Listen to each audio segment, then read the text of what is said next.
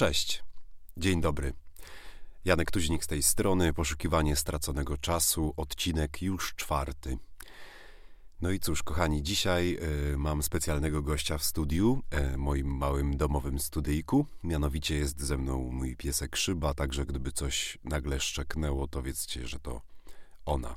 Y, I w sumie bardzo się cieszę, bo, bo kocham tego pieska. Ale o tym innym razem. E, I tak się zastanawiałem, dostałem y, informację od kilku osób, że poza tym, że fajnie, że nagrywam podcast o tym, co mi się udało i o tym, co mi się nie udało, to bardzo ludzie są ciekawi tej tak zwanej bieżączki. Bieżączki, czyli tego, co u mnie słychać y, na co dzień, jak się czuję i tak dalej.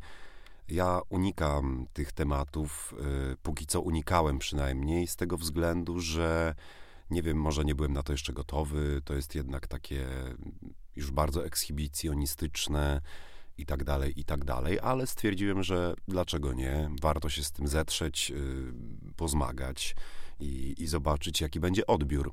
Dzisiaj w ogóle postaram się zrobić dosyć krótki odcinek, yy, żeby udowodnić sobie, że umiem, ponieważ po nagraniu pierwszego odcinka myślałem, no to to już jest najdłuższy odcinek, jaki nagrałem.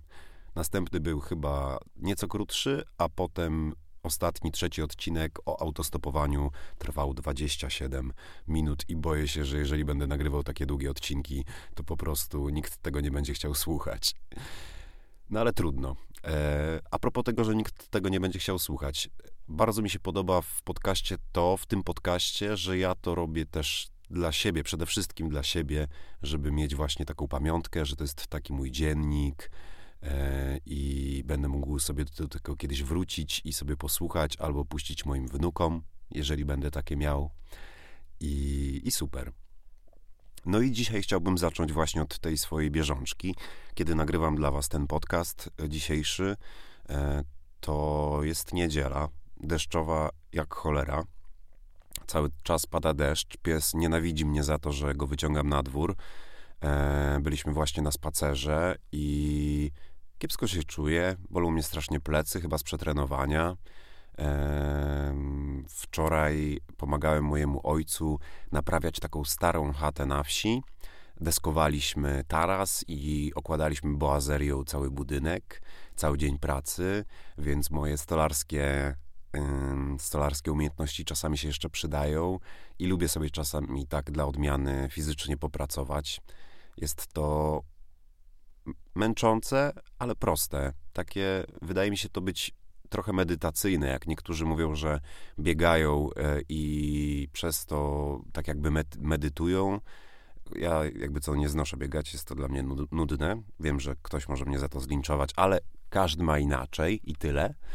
To ja lubię popracować sobie fizycznie, bo wtedy mm, skupiam się na jakiejś prostej czynności i i mogę sobie pomyśleć o różnych rzeczach w sposób niezachwiany przez social media i tak dalej, i tak, i tak dalej. E, no i sobie wczoraj popracowałem bardzo fajnie. Dzisiaj się czuję tak, jak właśnie Wam powiedziałem. E, I dzisiaj taki odcinek, już przechodząc do meritum, e, o tym, co mi się nie udało. Tytuł brzmi, jak pewnie już przeczytaliście, Jak nie zostałem gwiazdą internetu. I tutaj należałoby podzielić yy, ten odcinek na dwie części. Pierwszą i drugą. Pierwsza część to Jak nie zostałem youtuberem. Historię tę należałoby rozpocząć od e, mojej znajomości z moim e, niegdysiejszym kolegą Marcinem. Poznaliśmy się pracując w radiu, graliśmy razem po, poranki. On e, był prezenterem, a ja wydawcą wiadomości. E, to było radio akademickie, lubelskie. I, I tak się skumplowaliśmy. Potem on poszedł dalej w świat, do większych rozgłośni. Ja stwierdziłem, że nie będę radiowcem, bo zabiera mi to czas na twórczą pracę teatralną. Ale stwierdziliśmy, że fajnie byłoby kiedyś coś razem zrobić, i w ten sposób powstał serwus codzienny. Format był bardzo prosty. Format wzorowaliśmy, i teraz my, myślę, że mogę to śmiało powiedzieć. Zresztą nigdy to nie było żadną tajemnicą, było to widać od razu nawet po pierwszym odcinku, wzorowaliśmy na lekkostronniczych, czyli na Karolu Paciorku i Włodku Markowiczu. I to było po prostu taki, taki program od poniedziałku do piątku, wydawaliśmy o godzinie piątej. Um, dwóch kolesi gada o śmiesznych newsach i sobie komentuje. No stwierdziliśmy, kurczę, jesteśmy młodzi, inteligentni, lotni, e, mamy dobre głosy, warsztat, dlaczego nie? No i jakoś to szło. Nagrywaliśmy to ponad dwa miesiące, chyba prawie 40 odcinków zostało wydane i niektórzy nawet uważali, że to jest zabawne, e, ale ja jakoś tego nie czułem i zacząłem się po prostu męczyć. Stwierdziłem, że robimy to dlatego, żeby to robić. Nie widziałem w tym jakiegoś większego celu i nie widziałem też przyszłości. I jak sobie stwierdziłem, że nagrywamy to kolejny miesiąc i kolejny i kolejny, nagrywamy po prostu programy o bzdurach. O bzdurach. O tym, jak ktoś ukradł te Tesla, albo jak została założona partia piratów, albo no, no tak, tego typu po prostu, wiecie, newsy, które można ogrywać dookoła e, w sposób zabawny i, i tyle. No, dla mnie po prostu było to za mało wartościowe żeby to kontynuować. I to był pierwszy taki punkt, gdzie nie zostałem youtuberem. Druga część, e, dru, drugi jakby temat, to jest taki temat, gdzie założyłem e, bloga podróżniczego. Nazywał się Pan Wawrzyniec, ponieważ ja się nazywam Jan Wawrzyniec-Tuźnik, to jest moje drugie imię, z którego korzystam, z którego jestem bardzo dumny i bardzo je lubię a dostałem je podobno po pradziadku, który, jak to moja mama określa do dzisiaj, był taka sama cholera jak ja. I był podobno też rudy, tak samo jak ja.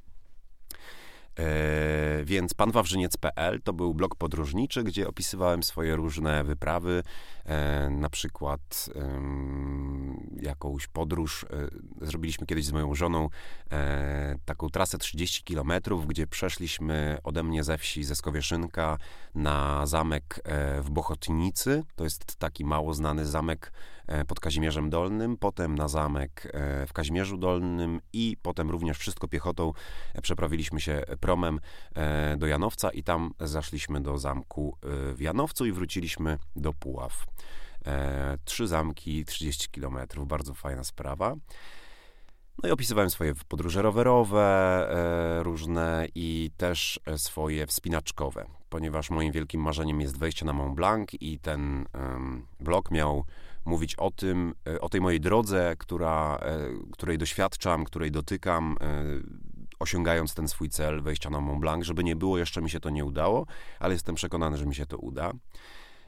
I w po drodze wymyśliłem coś takiego, że wejdę, mm, wejdę sobie na 28 najwyższych polskich szczytów, to znaczy w danych pasm. W Polsce jest 28 pasm górskich, każdy z nich ma najwyższy swój szczyt i nazywa się to Koroną Gór Polski. Mnie oczywiście zupełnie nie interesowało zbieranie pieczątek, bo Korona Gór Polski słynie z tego, że można tam zbierać pieczątki i potem jest takie stowarzyszenie, które mówi ci, tak, udało ci się, stary, zajebiście, jesteś świetny. Ale ja nie potrzebowałem takiego potwierdzenia, ponieważ yy, wystarczyła mi wiedza moja, że ja to dałem radę. Bo, bo uważam, że jeżeli ktoś coś takiego robi i na przykład nie zrobił tego a mówi, że zrobił, to to jest jego sprawa. To jego będzie sumienie dręczyć. To on będzie miał poczucie, że tak naprawdę tego nie zrobił i zbiera jakieś uznanie za to, że, e, że tego nie zrobił, tylko kłamał. Poza tym ja tego nie robiłem dla ludzi, ja to robiłem po prostu dla siebie, bo stwierdziłem, że to fajny projekt. No i pojechałem sobie raz na takie trzy dni w góry, spałem w samochodzie i w trzy dni zdobyłem sobie siedem szczytów pierwszych.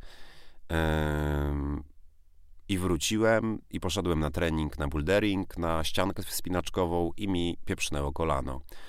I to był koniec tego bloga, ponieważ leczyłem kontuzję ponad pół roku, chodziłem na fizjoterapię, groziła mi artroskopia.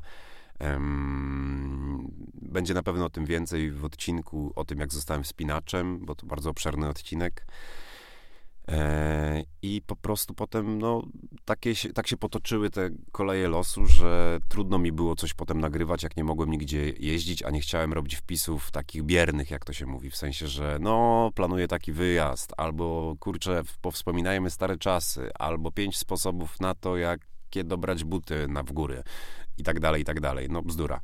E, nie kręciło mnie to. I to po prostu i w ten sposób nie zostałem też blogerem. Także nie zostałem youtuberem, nie zostałem blogerem. W tym momencie jestem podcasterem. Jak długo? Zobaczymy. Na razie mnie to kręci. Fajnie, że mogę się podzielić e, z kilkoma osobami e, moimi myślami. E, myślę, że słucha tego jakieś 30 osób, także dla mnie to już jest duży sukces. Kwestia relatywizmu. Dla mnie jest ok. Pozwolicie, że łyknę sobie kawki, bo dziś jestem strasznie jakiś zaspany. Mm. Jak kawa to czarna i mocna. E, no i tak, i nie zostałem ani youtuberem, nie zostałem blogerem. Tak się właśnie zdarzyło. A teraz czas na e, Prausta. Ha, Boże, Jola mnie zabije. Na Prusta. Nauczę się, obiecuję, nauczę się. Jak to mówił Rocky Balboa, nieważne ile razy upadniesz, ważne ile razy wstaniesz. Także Jola, przepraszam, Prusta. Wyjątkowy jest ten cytat, po prostu strasznie mi się podoba. Mam nadzieję, że macie czasem tak, że e, czujecie zapach albo smak jakiegoś fragmentu książki. Ja wiem, że zaraz ktoś mi powie, że to jest coś z pogranicza synestezji, ale, ale jest coś w tym. I wydaje mi się, że Prust naprawdę świetnie oddziałowuje na różne zmysły. Posłuchajcie. Jeżeli bowiem ma się wrażenie, że się jest zawsze otoczonym swoją duszą, nie znaczy to, aby ona była nieruchomym więzieniem.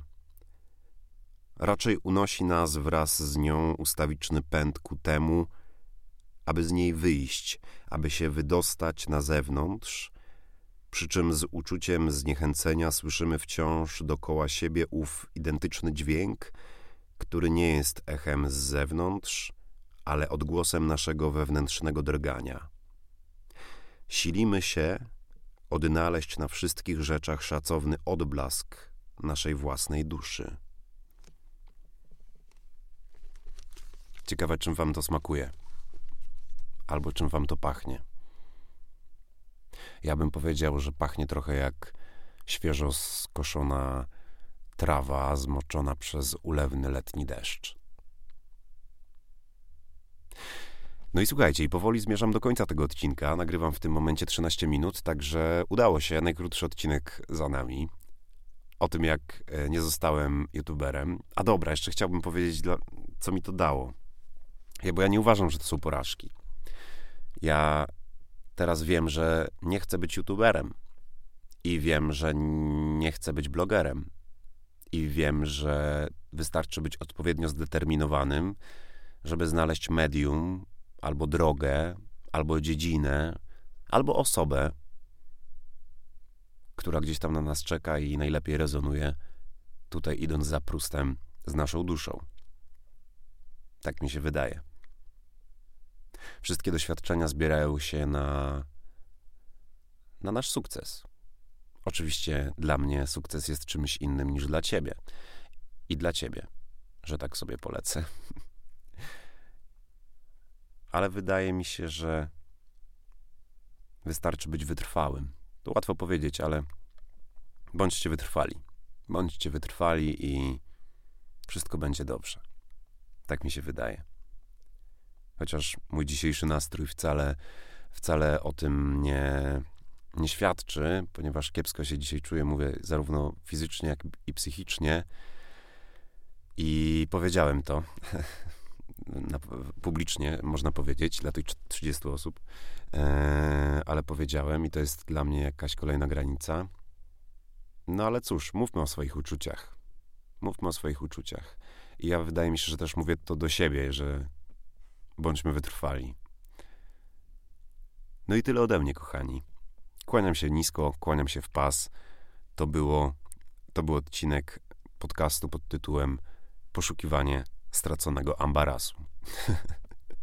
Cześć i czołem.